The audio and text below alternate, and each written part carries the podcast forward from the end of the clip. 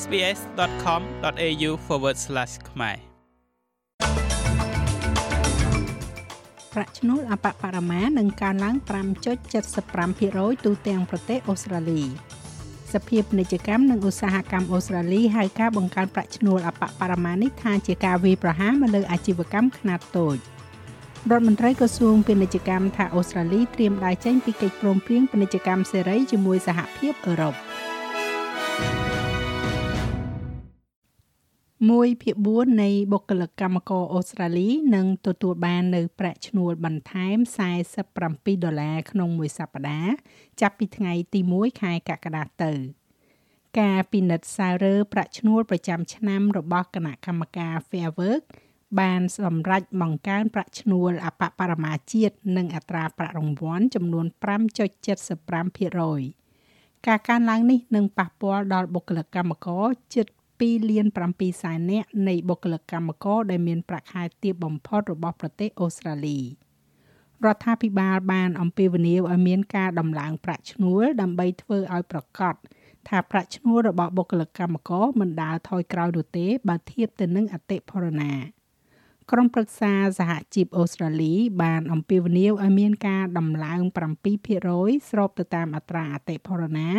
ខណៈពេលដែលក្រមអាជីវកម្មបានអំពាវនាវឲ្យមានការដំឡើងត្រឹម4%ប្រធានគណៈកម្មការ Fair Work Commission គឺលោក Adam Hatcher មានប្រសាសន៍ថា ការកើនឡើងនេះនឹងមិនបញ្ច្រាស់ការកាត់បន្ថយប្រាក់ឈ្នួលពិតប្រាកដនោះទេ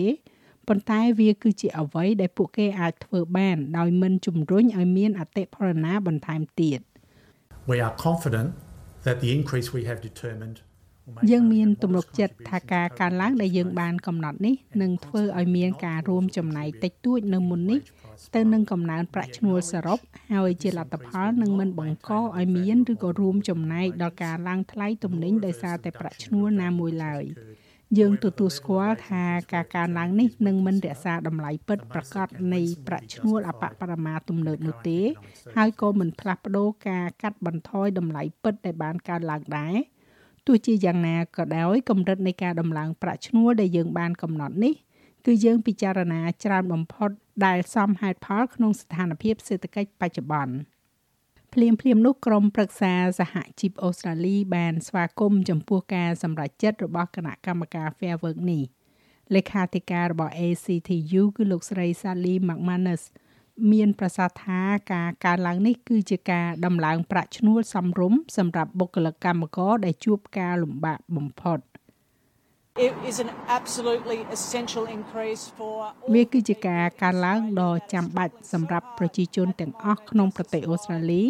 ដែលកំពុងតែតស៊ូយ៉ាងលំបាកនៅពេលនេះដើម្បីរស់រានមានជីវិតបង់ថ្លៃជួលផ្ទះបង់ថ្លៃគ្រឿងទេសនិងបង់ថ្លៃចំណាយជាមូលដ្ឋានទាំងអស់ ពួកគេគឺជាមនុស្សដែលរក្សាឲ្យសេដ្ឋកិច្ចដំណើរការគ្រប់បែបយ៉ាង មិនថាការងារដែលពួកគេកំពុងធ្វើ ក្នុងនាមជាបុគ្គលិកកម្មករចាំបាច់ឬក៏ជាអ្នកប្រើប្រាស់ឬក៏ជាអ្នកដែលចំណាយនៅក្នុងសហគមន៍មូលដ្ឋានរបស់ពួកគេឡើយផ្ទុយទៅវិញនៅក្នុងពេលជាមួយគ្នានោះសភាពាណិជ្ជកម្មនិងឧស្សាហកម្មអូស្ត្រាលី បានហៅការបង្កើនប្រាក់ឈ្នួលអបបរមាចំនួន5.75%នេះថាជាការវាយប្រហារមកលើអាជីវកម្មខ្នាតតូចទៅវិញ CEO របស់សភាពាណិជ្ជកម្មនិងឧស្សាហកម្មអូស្ត្រាលី ACCI គឺលោក Andrew McKellar មានប្រសាសន៍ថាការកើនឡើងនេះនឹងធ្វើឲ្យអាជីវកម្មកាន់តែលំបាកនៅក្នុងការទ្រទ្រង់ចំណាយការកើនឡើងតម្លៃនិងជាការជំរុញបន្ថែមលើអតិផរណា This will add significantly to costs for business uh, we estimate វានឹងបន្ថែមការចំណាយជាចម្បងសម្រាប់អាជីវកម្មដែលយើងប៉ាន់ប្រមាណថាវានឹងមានន័យថាការចំណាយបន្ថែម12,600លានដុល្លារទៅក្នុងខ្សែសង្វាក់ផ្គត់ផ្គង់វានឹងប៉ះពាល់ដល់អាជីវកម្មខ្នាតតូចជាពិសេសបំផុតពួកគេគឺជាអ្នកដែលនៅទីបញ្ចប់ត្រូវបង់ប្រាក់ឈ្នួលទាំងនេះ សម្រាប់ពួកគេមានន័យថាវានឹងបន្ថែមពីលើសម្ពាធដែលកំពុងតែតានតឹងស្រាប់ទៅហើយដែលជាលទ្ធផលនៃការចំណាយខ្ពស់ជាងមុនខ្លាំងដែលពួកគេកំពុងប្រឈមមុខ មេដឹកនាំបកប្រឆាំងលោក Peter Dutton និយាយថាសេចក្តីសម្រេចរបស់តុលាការប្រឆាំងទៅនឹងអតីតយុទ្ធជនសង្គ្រាមគឺលោក Ben Robert Smith គឺជាថ្ងៃដ៏លំបាកមួយសម្រាប់ប្រទេសនេះហើយជឿជាក់ថាមានការផ្លាស់ប្ដូរវប្បធម៌ដ៏សំខាន់នៅក្នុងកងកម្លាំងការពារជាតិអូស្ត្រាលី ADF ។សំណុំរឿងបរិហាគេមួយដែលប្តឹងដោយលោក Robert Smith មកលើកាសែតចំនួន3ត្រូវបានច្រានចោលបន្ទាប់ពីចៅក្រមបានរកឃើញថា ការការពារការពិតជាច្រើនត្រូវបានបង្កើតឡើងជុំវិញការចោទប្រកាន់ថាបានសម្លាប់និងការសម្លុតដោយខុសច្បាប់។លោក Dutton បានប្រាប់ទូរទស្សន៍ប៉ុស្តិ៍លេខ9ថាប្រជាជនអូស្ត្រាលីភាគច្រើនដែលទទួលបានផ្លាក Victoria Cross ស្ថិតនៅក្នុងការគោរពដ៏ខ្ពង់ខ្ពស់បំផុតហើយលោកជឿថាមានការផ្លាស់ប្ដូរដ៏ធំសម្បើមនៅក្នុងផ្នែកនោះចាប់តាំងពីសម័យរបស់លោកមក I think it's a tough day for uh, for our country to be honest. ខ្ញុំគិតថាវាជាថ្ងៃដ៏លំបាកមួយសម្រាប់ប្រទេសរបស់យើងនិយាយឲ្យត្រង់ទៅប្រជាជនអូស្ត្រាលីភាគច្រើនកាន់ SAS នៅក្នុងកងកម្លាំងការពារអូស្ត្រាលីដោយយកចិត្តទុកដាក់ខ្ពស់បំផុតនេះជាករណីជាក់ស្ដែងដែលនឹងបន្តប្តឹងឧទ្ធរណ៍ហើយក៏មានការស៊ើបអង្កេតឧក្រិដ្ឋកម្មផងដែរជាថ្មីម្ដងទៀតគេឈ្មោះរបស់ប្រទេសយើងនៃទាហានរបស់យើងនៃអ្នកជីកកកាយរបស់យើង គឺគ្មានពីរទេ ហើយយើងគឺជាដៃគូដែលគួរឲ្យទុកចិត្ត យើងបានធ្វើការរួមគ្នាជាមួយនឹងសហរដ្ឋអាមេរិកនិងចក្រភពអង់គ្លេសកាណាដានិងដៃគូផ្សេងទៀតរបស់យើង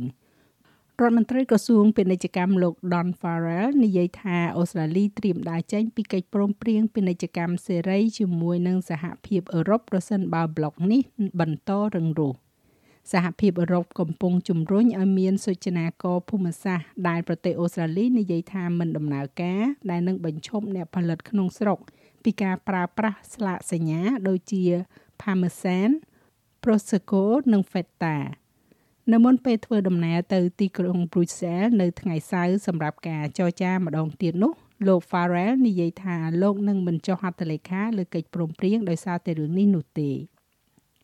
រដ្ឋមន្ត្រីក្រសួងអប់រំលោក Jason Clare មានប្រសាសន៍ថាវាអាចមានគុណតម្លៃសមស្របនៅក្នុងការផ្លាស់ប្ដូររបៀបគណនាការប្រាក់ទៅលើបំណុលសិក្សា ដែលហៅកាត់ថា HEX ឬក៏ HECS បន្ទាប់ពីសិស្សនិស្សិតបច្ចុប្បន្ននិងពីអតីតកាលរាប់ពាន់នាក់បើកភ្នែកឡើងជាមួយនឹងបំណុលខ្ពស់ជាងមុនសន្ទុះអនុវត្តលើបំណុលរបស់ Hex បានបន្ថែមបំណុលរាប់ពាន់ដុល្លារលើសមតុល្យសរុបនៅថ្ងៃទី1ខែមិថុនា លោកឃ្លែបាននិយាយថាមានអំណះអំណាងដ៏ល្អសម្រាប់ការផ្លាស់ប្ដូរសន្ទុះដែលត្រូវបានអនុវត្តចំពោះបំណុលដើមនេះជាជាងសមតុល្យបច្ចុប្បន្ន If you've got a debt of about $20,000 ប្រសិនបើអ្នកមានបំណុលប្រហែលជា20,000ដុល្លារអ្នកបានសងប្រហែលជា2000ដុល្លារក្នុងរយៈពេល11ខែបន្ទាប់ បន្ទាប់មកសន្ទុះ ATO ដែលផ្អែកទៅលើលេខតួលេខកាលពីដើមឡើយគឺ20ជាជាង18នោះអ្នកដឹងថានោះគឺជាការវាយប្រហារមកលើខ្ញុំវាមិនត្រឹមត្រូវទេនោះហើយជាមូលហេតុដែលខ្ញុំបាននិយាយទៅកាន់ក្រុមនេះដែលកំពុងតែត្រួតពិនិត្យ Hex និងត្រួតពិនិត្យលើប្រព័ន្ធអប់រំឧត្តមសិក្សាដែលខ្ញុំចង់ឲ្យពួកគេពិនិត្យមើលលើចំណុចនោះសូមមើលថាតើយើងអាចធ្វើអ្វីបានខ្លះដើម្បីជួសជុលវា។ នៅឯប្រទេសកម្ពុជាវិញលោកនាយករដ្ឋមន្ត្រីហ៊ុនសែនបានប្រកាសច្រានចោលនៅការចោទប្រកាន់ថាលោកជាប់ពាក់ព័ន្ធជាមួយនឹងកោជបហើយនឹងក្រុមប្រឹក្សាធម្មនុញ្ញរារាំងមិនអោយគណៈបកភ្លើងទៀនចោះឈ្មោះបោះឆ្នោតក្នុងឆ្នាំ2023នេះថ្មីថ្មីនេះដោយភ្ជាប់ជាមួយនឹងការច្រានចោលលោកហ៊ុនសែនក៏បាន ប្រមានសារជាថ្មី ថានឹងចាត់វិធានការតាមផ្លូវច្បាប់ ចំពោះបុគ្គលឬក្រុមទាំងឡាយណា ដែលហ៊ានប្រមូលផ្ដុំកម្លាំងធ្វើបាតកម្មនាពេលខាងមុខគណៈបកពិជនគឺជាគូប្រកួតមួយគ្មានចំណងតាក់ទងអ្វីជាមួយនឹងការសម្រេចរបស់កោជមឬក្រុមប្រឹក្សាធម្មនុញ្ញហើយរាជរដ្ឋាភិបាលក៏មិនអាចទៅត្រួតត្រាទៅលើស្ថាប័នធម្មនុញ្ញដែលមានគណៈកម្មការជាតិរៀបចំការបោះឆ្នោតជាមួយនឹងក្រុមប្រឹក្សាធម្មនុញ្ញទេណា ហើយសូមកុំរញ៉ៃរញ៉ៃជាមួយនឹងបាតកម្មឬស្អីស្អីកុំរញ៉ៃរញ៉ៃខ្ញុំបានផ្ដល់សារសារខ្ញុំនៅតែមានតម្លៃសូមបញ្ជាក់ខ្ញុំ còn តែបញ្ជាក់ថាគុកស្វាគមន៍គុកដឹងស្វាគមន៍ចាស់លោកមេងផល្លានឹងជួនសេចក្តីរាយការណ៍លំអិតនៅវគ្គក្រោយបន្តទៀតឬលោកអ្នកអាចចូលស្ដាប់នៅលើគេហទំព័រ sbs.com.au/ ខ្មែរ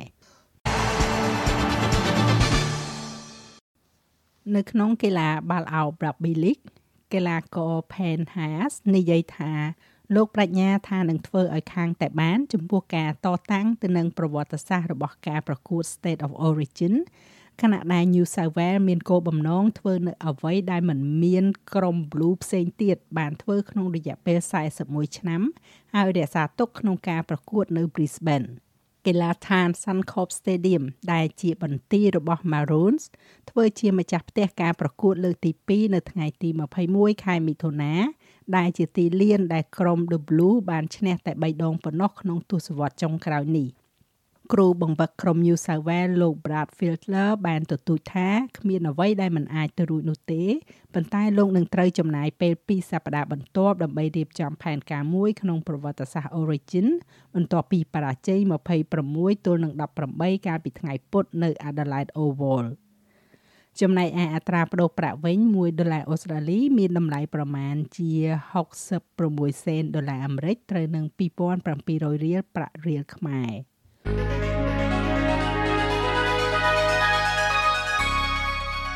ឥឡូវនេះយើងក៏លេខមកមើលការព្យាករណ៍អាកាសធាតុសម្រាប់ថ្ងៃសៅរ៍ស្អែកនេះវិញ នៅទីក្រុង Perth ភាគច្រើនបើកថ្ងៃ19អង្សា ដូចគ្នានៅ Adelaide 22អង្សា